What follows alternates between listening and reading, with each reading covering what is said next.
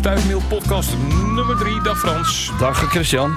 Ja, we gaan het over een boel dingen hebben. Eh, zo dadelijk eerst eventjes welk diertje nou het dier van de week is geworden. En Precies. Maar ik vind het ook wel leuk, want er is ook een, een vraag binnengekomen van hoe, een, hoe, sommige dieren zich kunnen verplaatsen. Dan Ja, denk je, dan- precies. Ja, dan denk ja. je, ik heb schuttingen, ik heb muren rondom mijn tuin staan. Hoe kunnen er dan padden in mijn tuin komen? Ja, ja, ja, ja, ja. Nou, die vraag gaan we zo beantwoorden. En dan ook eh, nou ja, meer van dit soort voorbeelden. Want af en toe weet je niet hoe die beestjes zich weten, te, weten te, te, te verplaatsen. En hoe ze dan ook nog gewoon hindernissen weten te nemen.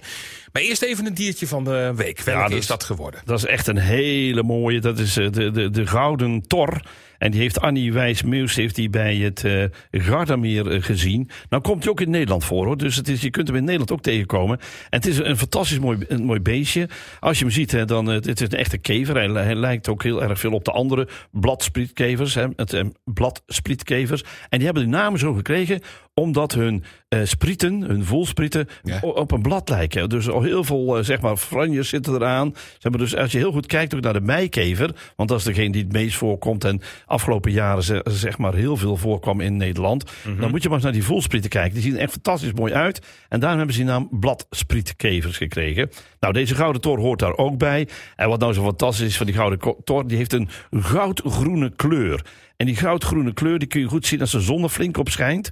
En eh, nou ja, zeg, Annie die heeft dan een foto gestuurd waarin je net eh, de zon schijnt op het voorstukje van zeg maar het, eigenlijk het borststuk, maar dan de bovenkant. En dan zie je die gouden kleur zie er helemaal uitkomen. En die achterste, dat is dan dat, dat groene. Maar als daar de zon op zou staan, dan zou het ook bijna goudgroen zijn. Zo fantastisch mooi zijn die kevers. Ehm, wat dan heel bijzonder is in deze kever, is dat, het, kijk, het zijn eh, eh, kevers, die hebben dekschilden. En als zo'n, dat kun je bij het lieveheersbeestje ook zien, want die hoort al wel niet bij die familie, maar heeft ook van die schilden. En als het lieveheersbeestje weg ziet vliegen, dan zie je eerst dat die schilden opzij schuiven. Ja, ja. En, en dan, je klapt Ja, precies. ja, dan komen die vleugeltjes onderuit en dan vliegt hij een beetje weg. Ja. Maar bij deze, die heeft er iets heel vernuftigs op gevonden. Die heeft er een, een, een, groeve in zo'n schild zitten. En dan schieten die vleugels eh, langs die groeven naar buiten toe. En dan vliegt hij met gesloten schilden, vliegt hij door, eh, zeg maar door de lucht heen. En als dan de zon erop valt, ja, dan lijkt het net of er een gouden muntstuk door eh, de wereld heen vliegt. Zo mooi Oh. is dat om te zien. Dat is heel prachtig hoe dat beestje zich dan in feite beweegt door, door de natuur. Ja, het zijn echt hele aparte kevers. Ze, ze eten dus ook stuifmeel. Ja. En ze eten dus ook blad, maar dan wel heel verse, fijne blaadjes. En ze likken soms wondstappen van bomen of van struiken. Hè. Als er een keer in een auto tegenaan heeft gezeten of ja, goed, een boom is gevallen en er blijven die wondstappen uitkomen, dan gaan ze die oplikken. En dat doen deze diertjes. Het zijn echt hele mooie beestjes. En de larve heet ook dus engeling, want alle larven van dit soort kevers noemen ze engeling. En ja, ze zijn een beetje lastig, want ze eten heel veel gras eh, op, maar dan vooral de wortels. Dus je ziet niet waar ze zitten. En in één keer zie je een grasveld helemaal bruin worden. Nou, dan heb je heel veel engelingen in je tuin. Nou, dan eh, zullen we het dan even over, dat, eh, over degene hebben die dus zich afvroegen hoe het toch kon dat er padden in de tuin kwamen. Terwijl, ja, ik heb toch een schutting neergezet, Ja. ik heb een muur staan, ik heb een poort die altijd dicht is. Hoe komt dat beest hier binnen? Ja, precies. Ja, Henriette Verloon die had het erover. Die had dus zeg maar al drie keer een pad in haar tuin gezien. En eh, die tuin was echt zwaar ommuurd. En ze vroeg zich af, hoe kan het toch in hemelsnaam? Ja, mensen weten niet, maar padden kunnen klimmen. En dan vergeten veel mensen, padden kunnen redelijk goed klimmen. En dat doen ze vooral in de nacht. Dus je ziet het meestal ook niet. En ook als je in de nacht rond zou lopen, Ja. dan zie je het ook niet. Want er zit zo'n bruin ding tegen een stenen muur. Ja, zie dan valt niet. eens op. Nee. Maar goed, soms, eh, soms hebben ze een hekel aan klimmen. Dan, dan gaan ze onder de fundering door. Dan moet je niet te diep zijn. Want ja, padden, als ze een overwinteringsplek gaan zoeken, dat graven ze zich ook in, in de grond. Ze graven ook nog. Ja, ze graven zich in de grond in eh, om, de, om, om te overwinteren. En dan zoeken ze eigenlijk liefst hele mooie plekjes op. En dan is een humusrijke bodem is dan fantastisch. Want dan kruipen ze daarin, want dan blijft de temperatuur redelijk eh, eh, zeg maar op dezelfde eh, temperatuur hangen. Eh, maar als ze die niet zo snel kunnen vinden, ja, dan proberen ze ook zo'n tuin binnen te kruipen. Onder de fundering door te gaan. En dan gaan ze ook nog eens een keer onder een vloer van een, een, een schuurtje liggen. Of eh, onder een composthoop. Of onder eh, het terras van eh, de aanbouw. Of weet ik veel wat. Want ze kunnen vrij goed eh, zeg maar onder de grond kruipen. Hè. Graven doen ze als de beste. En meestal zitten ze dan daar de hele winter. En dan komen ze er in de voorjaar pas weer uit. Juist. Nou, hoe ze dat graven doen, dat kan ik me iets bij voorstellen. Maar dat klimmen, hoe doen ze dat dan? Hoe gaan ze dan tegen zo'n steile muur, muur op? ze- nou, zo'n muur is nooit, eh, nooit helemaal glad. Kijk, een gladde muur, daar zou ze niet tegenop kunnen klimmen. Schutting zal dat wat lastiger zijn voor dit soort diertjes. Maar eh, die muren, cement, steen. Er zitten overal zeg maar haakjes en gaatjes aan. Ja. En die kunnen dus makkelijk tegenop. Hè. Ik bedoel, vleermuizen doen dat ook. Die gaan met hun eh, zeg maar klauwtjes klimmen ze zo ook tegen de muur op omhoog. Omdat die muur niet effen is, niet glad is, Nee. gaat dat vrij makkelijk. Ja, maar eh, ik kan me ook zo voorstellen, op een gegeven moment komen ze misschien een wat gladder gedeelte tegen, dat ze weer naar beneden vliegen. Ja, dat, dat, dat, klopt. Dat is inderdaad zo. Als het maar bovenste stukje een glad stukje is, dan vallen ze naar beneden toe. En dan gaan ze waarschijnlijk weer onder de, onder de muur door. Kijk, die beesten gaan altijd oplossingen zoeken. En die blijven gewoon doorgaan. Hè? Net zolang tot ze bereikt hebben wat ze willen. En ze willen dus in zo'n tuin binnenkomen. Want blijkbaar is de behoefte dat die pad dan meer heeft gezeten. Want heel vaak gaan ze hetzelfde overwinteringsplekje terug. Ja. Als het al een oudere pad is, dan doet hij dat zeker. En dan zullen ze misschien vorig jaar niet gezien hebben. En dit jaar dan toevallig een paar keer. Want ik denk niet dat het misschien drie padden zijn. Nee. Maar misschien best één pad zijn. Maar het kunnen ook drie padden zijn. Want als ze daar geboren zijn, dan komen ze heel graag terug naar het overwinteringsplekje. Want dat heeft blijkbaar succesvol geweest. Dat voelt want vertrouwd. staat er nog. Ja, precies. Ja, daarom. Maar doen beesten dat vaker eh, op, op, op dit soort, want je vraagt je wel eens vaker af, van hoe, hoe is die nou weer hier gekomen? Ja, precies. Ja, bijvoorbeeld dassen, dat weten mensen ook niet. Maar dassen kunnen heel goed klimmen. En die klimmen zelfs zeg maar, tegen gaas op omhoog. Ehm, dat is ook de reden waarom in, zeg maar, in, in het Limburgse de mensen hun gaas heel hoog opspannen. En vooral een gaas terug uit laten slaan richting de buitenkant. Dus je hebt dan gaas. Ja. En dan laat je de bovenkant laat je helemaal ombuigen naar buiten, Naar buiten toe. Ja, precies. Want als je dat doet, dan kan zo'n das dat niet. Want die kan niet over dat ding heen gaan. Want dan valt hij weer terug naar beneden toe. En dat is heel lastig.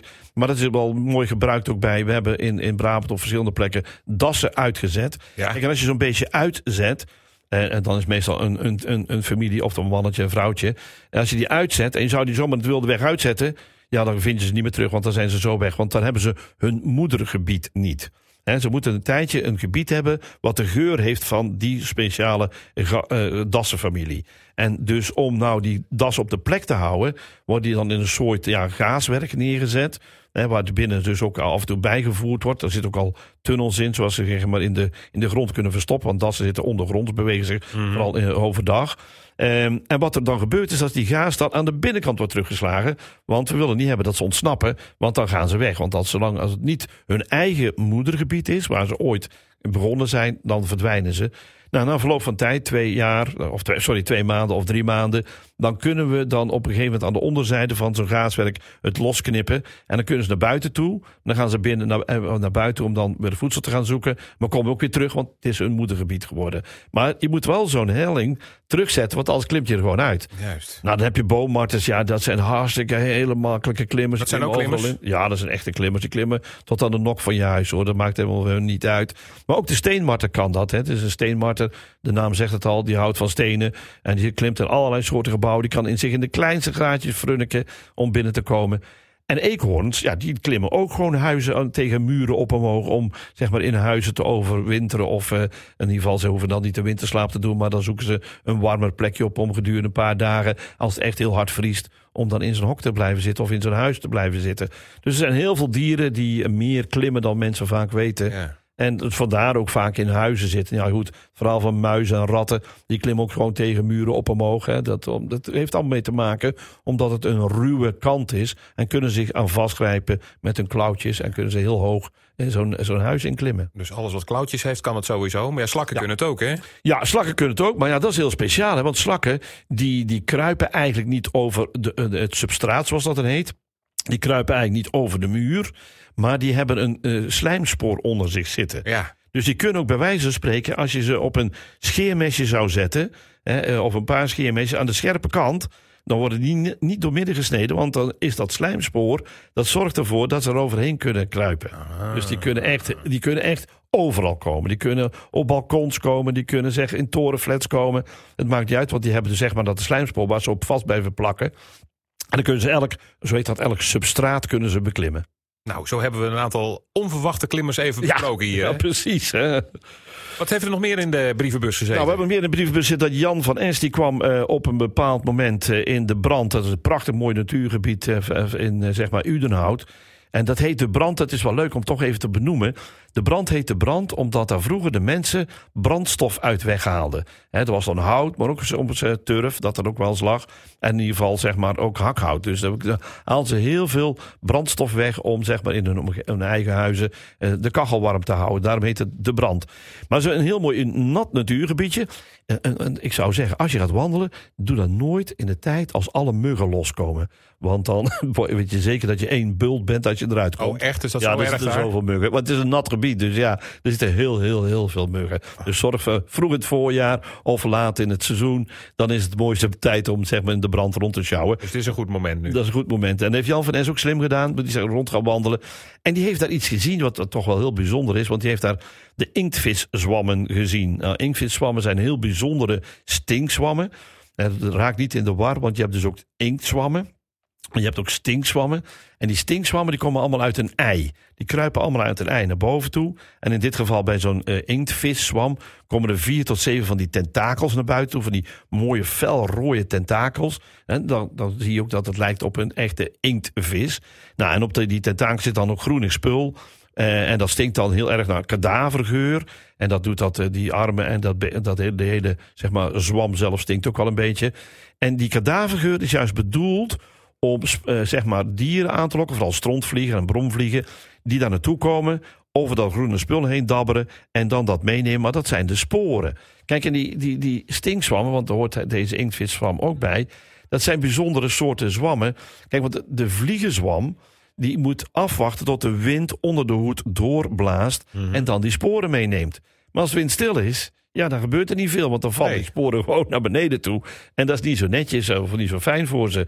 Maar die, die, die, die stinkzwammen, die hebben dus bedacht, weet je wat, als we nou flink stinken, dan komt er van alles op ons af en dan nemen die sporen mee. En die verspreiden automatisch. Ze hebben een soort transportsysteem bedacht, wat dan ze zelf niet hoeven te doen, maar door vliegen of andere beesten gedaan wordt. En ja, hoe komen die nou, die inkviszwammen hier? Want ze horen oorspronkelijk niet thuis in Nederland. En ze zijn meegekomen met Australische eh, zeg maar, soldaten die hier in de Eerste Wereldoorlog in Europa gingen bevrijden. En ja, die hebben allerlei sporen meegenomen. En die sporen zijn hier blijven liggen. En daardoor zijn die inktzwammen uh, sorry, daardoor zijn die inktviszwammen zijn dus zeg maar hier blijven ontwikkelen. Ze zijn vrij zeldzaam, want je ziet ze niet al te veel. En ze houden meestal een beetje van wat natte gebieden. Maar er zijn meer voorbeelden van dat gebeurd is. Bijvoorbeeld op heel veel heidevelden ligt een mos, dat heet het grijs kronkelsteeltje. Maar dat is, heeft al een bijnaam, want dat heet al tankmos. En dat is dus mos wat als sporen meegekomen is met de Amerikaanse tanks in de Tweede Wereldoorlog. Dus dan Juist, zie je dat ja. ook, ook zo spul vanuit zeg maar, een oorlog ook hier naartoe kan komen. Ja, dan zag, zeg maar, even kijken, wie was het ook weer? Dan zag Annette Hurkmans, die zag iets heel moois, want die zag in het uh, Zeisserbos een, een, een, zeg maar, een, een paddenstoelen op een boom hangen. En er zat een glanzend laagje op. Het, het leek wel een beetje op suikerlaagje. En toen dacht zij bij zichzelf, hé, hey, daar moet ik eens naar gaan kijken. Want um, ik wil toch eens weten wat voor paddenstoel het is. Maar ze kwam er niet achter en stuurde mij de vraag. En ik zeg, ik keek meteen. Maar ik hoefde eigenlijk alleen maar naar de tekst te luisteren. En ik wist al waar het over ging. Dat gaat over porseleinzwammen. Want die hebben dan zo'n heel mooi glad suikerlaagje zitten. En dat lijkt net of dat zeg maar helemaal blinkend is. En als je aan de onderkant staat van zo'n porseleinzwam en kijkt naar boven toe, dan lijkt het net echt een kopje porselein wat daar aan hm. zo'n boom hangt. Het is echt wel heel mooi om te zien. Maar dat is het niet. En het zal ook geen echt suiker zijn. Maar wat is het dan wel? Nee, eigenlijk? dat is ja, dus de, de, de, er is een gladde slijmlaag die over die zeg maar uh, paddenstoel heen hangt, zodat hij niet aangetast wordt door dieren. Een soort bescherming is dat. En dan denk je vooral aan slakken, dat ja. die ervan afblijven. Um, het is een, een, we noemen dat een zwakteparasiet. Hij dus, hij eet dus wel een boom op, maar alleen de verrotte delen. Dus ah. iets wat zeg maar aan beschadigd is op een of andere manier, zo'n wond heeft gekregen op een of andere manier, daar komen ze in. En dan zitten ze vooral op beuken, maar ze komen ook wel op eiken voor. Maar meestal zie ik ze toch wel op beuken zitten. Ja, het zijn fantastisch mooie paddenstoeltjes, witte, hele witte paddenstoeltjes die je dan in zo'n bos uh, tegenkomt. Dan, uh, ja, dat vind ik toch wel leuk om te weten. Want Mar uh, van de Ven, ik denk misschien wel dat Mari van de Ven is, maar goed, staat Mar. Die heeft samen met zijn vrouw een enorme discussie gehad. Staat in de vraag aan mij. Ja. Uh, want mijn vrouw en ik hebben een stevige discussie gehad. Want we weten niet wat het is, maar het, het lijkt een soort wesp. Nou, ik ben trouwens wel heel benieuwd eh, wat die discussie is. En ik hoop dat ze mij straks een keer via Stuifman et Omroep Brabant aangeven wat, eh, waarin die discussie geëindigd is. Want ik ga de oplossing geven natuurlijk. Ja, natuurlijk. Ja. Ja. Nou, het is in ieder geval een van de plooiwespen. hè, dus de plooivleugelwespen. Daar zijn dus de bekende wespen waar ook onze limonadewespen onder vallen. Maar zij vallen dan weer onder een andere onderfamilie. En die onderfamilie heet dus leemwespen. Oftewel, dat zijn wespen die werken met leem. In dit geval heet ze dus urntjeswespen. En met leem en klei en soms vermengd met zand, soms vermengd met plantendelen, maken zij prachtig mooie urntjes. En in die urntjes leggen ze dan een eitje. Ja. En dan gaan ze op zoek naar hele kleine rupsjes, die ze ook dan doden en dan in dat eh, urntje stoppen. Zo kan dat larfje, wat dan in feite eh, eh, uitkomt, kan dan die rupsjes opeten. Dan heeft hij ook in ieder geval een mooie maaltijd. Eh, het is heel leuk om te zien. En omdat ik zelf zo ontzettend leuk vind, ik heb al eens een keer zo'n beetje bezig gezien, heb ik ook een filmpje gevonden van een, een Engelse eh, zeg maar, eh, filmcineast. Die heeft dus zeg maar een mooi filmpje gemaakt hoe dat zeg maar zo'n urntjeswesp zo'n urntje maakt. En dan moet je vooral letten op de, het landingsrandje. Dat is zo perfect, want dat urntje heeft net een, eh, een mooi randje waar zo'n volwassen wespje op kan landen. Want anders op zo'n gladde kant, ja, daar lukt dat never nooit niet. Maar daar hebben ze een speciaal randje zelfs gebouwd. Ja, Ah, kijk. Zo vernuftig allemaal. Bekijk het allemaal even. De link naar het artikeltje eh, van omroepbrabant.nl zet ik erbij. Hè, bij de opschrijving Oh ja. van de podcast. Ja, dus dan je hem precies. zo. Dus Dan kun je zo naar kijken. kun je zo naartoe. Geen probleem. Ja, dan eh, is het, eh, zeg maar, het, het voorjaar is voorbij, de zomer is voorbij. We gaan eh, zeg maar, de, de, najaar beleven, de kleuren van de herfst enzovoort. De kleuren van de bladeren, kleuren van de paddenstoelen. Maar ook er komen kleurrijke vogels binnen. En dat zijn bijvoorbeeld de kramsvogels. En dat zijn zulke fantastisch mooie vogels. Als die een lijsterbeststruik hebben ontdekt, nou, dan is dat net als wij carnaval vieren. Het is een enorm feest op dat ding. En ze eten al die lijster, lijsterbessen op. Het gaat over de kramsvogel. Die komen met z'n allen hier naartoe Ja. om hier overwinteren. Meestal is het zo, ik heb dat wel eens een keer gezien, want dan ben ik ook een keer aan de kust geweest. Daar zitten duindoren, ze hebben ook van die heerlijke besjes. Nou, en dan zie je in één keer zo'n hele grote klucht van vogels, die, die, die storten zich op die duindorens. En dan zie je hoe dat, hoe dat gaat. Joh, het is echt gewoon feest. Maar op de lijsterbessen hier in Brabant kunnen wij het ook heel mooi zien. Hanneke Schenk, die stuurde me al een tijdje terug een, een, een, vraag over een, eh, ze dacht een oranje wurg of slingerplant. Nou, ze heeft al een klein beetje gelijk gekregen, want het is dus zeg maar een veldwarkruid. En dat is inderdaad een, een plant die zich slingerend door je tuin beweegt en zich overal aan vasthecht. En ook net of dat de plant eh, zeg maar de boel wurgt. Ehm, het is een soort die oorspronkelijk niet hier vandaan kwam.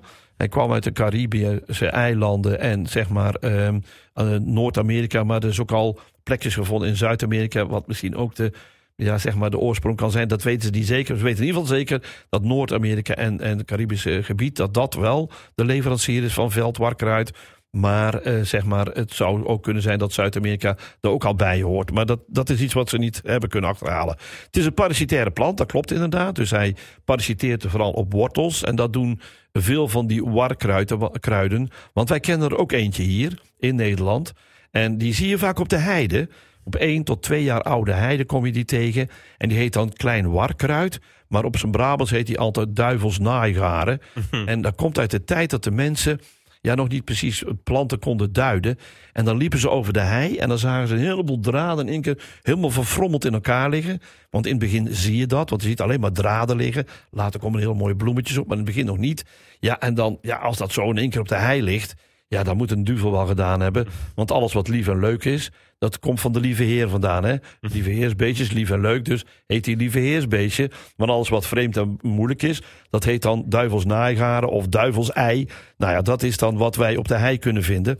Maar terug naar Hanneke Schenk, ja, die heeft dat dan gevonden.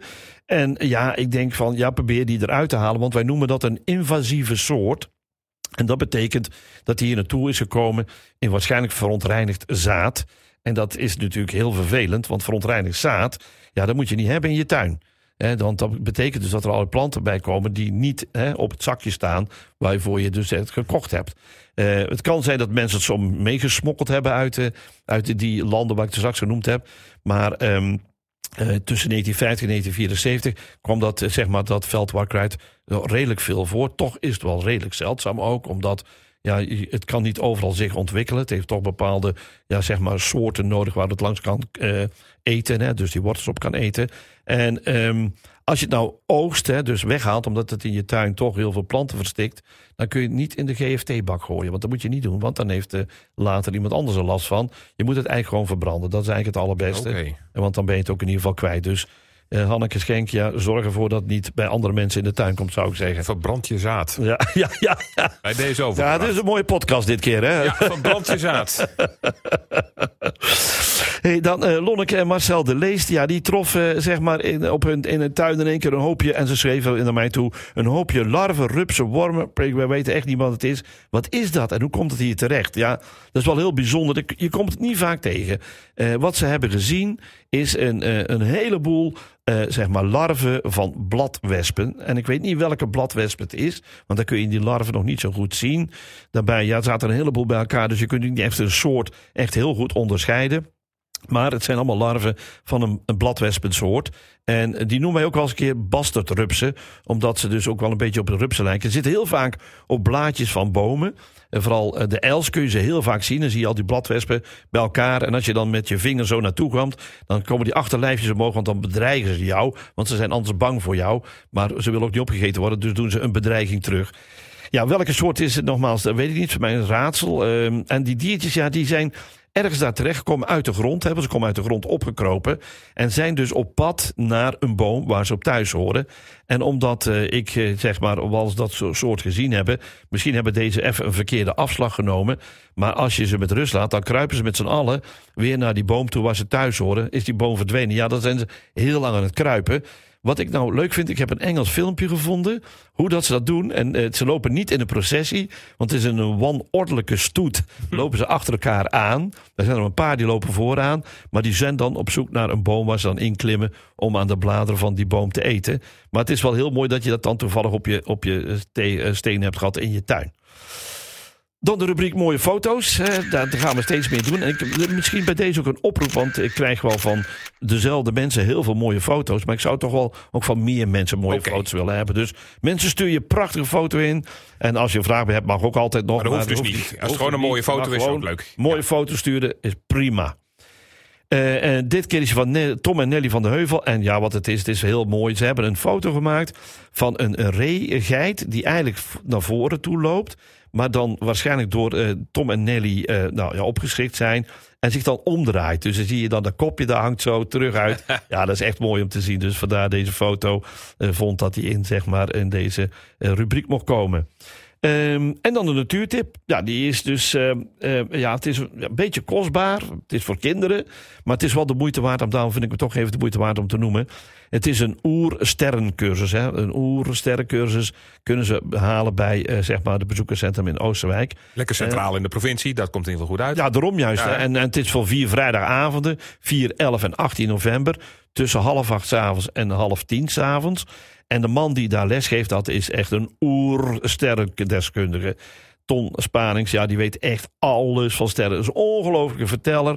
Fantastisch hoe hij die dingen allemaal kan aanduiden. Hij kan het ook nog eens een keer goed laten zien. Ja, ik vind hem echt een hele, hele fijne kerel. Die echt op een zette manier ook de kinderen heel kan duidelijk maken. Hoe dat, zeg maar, die sterren eh, zeg maar, aan de hemel staan. Hoe ze daar komen. Wat een ster is, wat geen ster is.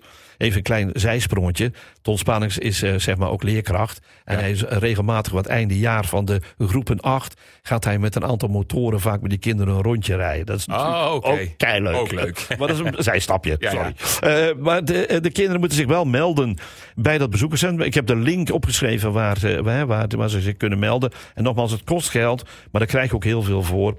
Je krijgt les van een hele fijne kerel. Je hebt uh, drie avonden dus. Je krijgt lekker drinken in de pauze. Je krijgt heel veel cursusmateriaal. En als je wilt deelnemen kun je al op de uh, website van Omroep Brabant kijken. Maar dan kun je even een, een, een zeg maar, uh, voor, ja, downloaden hoe, hoe dat zoiets eruit ziet wat je gaat meemaken. Dus ik zou zeggen, ga maar eens even kijken. En als het je interesseert en je ouders hebben wat geld voor je... dan is het de moeite waard om eens een keer nou zo'n sterrencursus te gaan volgen. Het is allemaal te lezen in de link die hierbij gevoegd is naar het artikeltje. Daar kom je alles tegen en ook alle plaatjes uh, over, uh, waar we net over gesproken hebben. Frans, het was maar weer een genoegen. Tot de volgende weer. Vond heel leuk, Christian. Tot de nummer 4.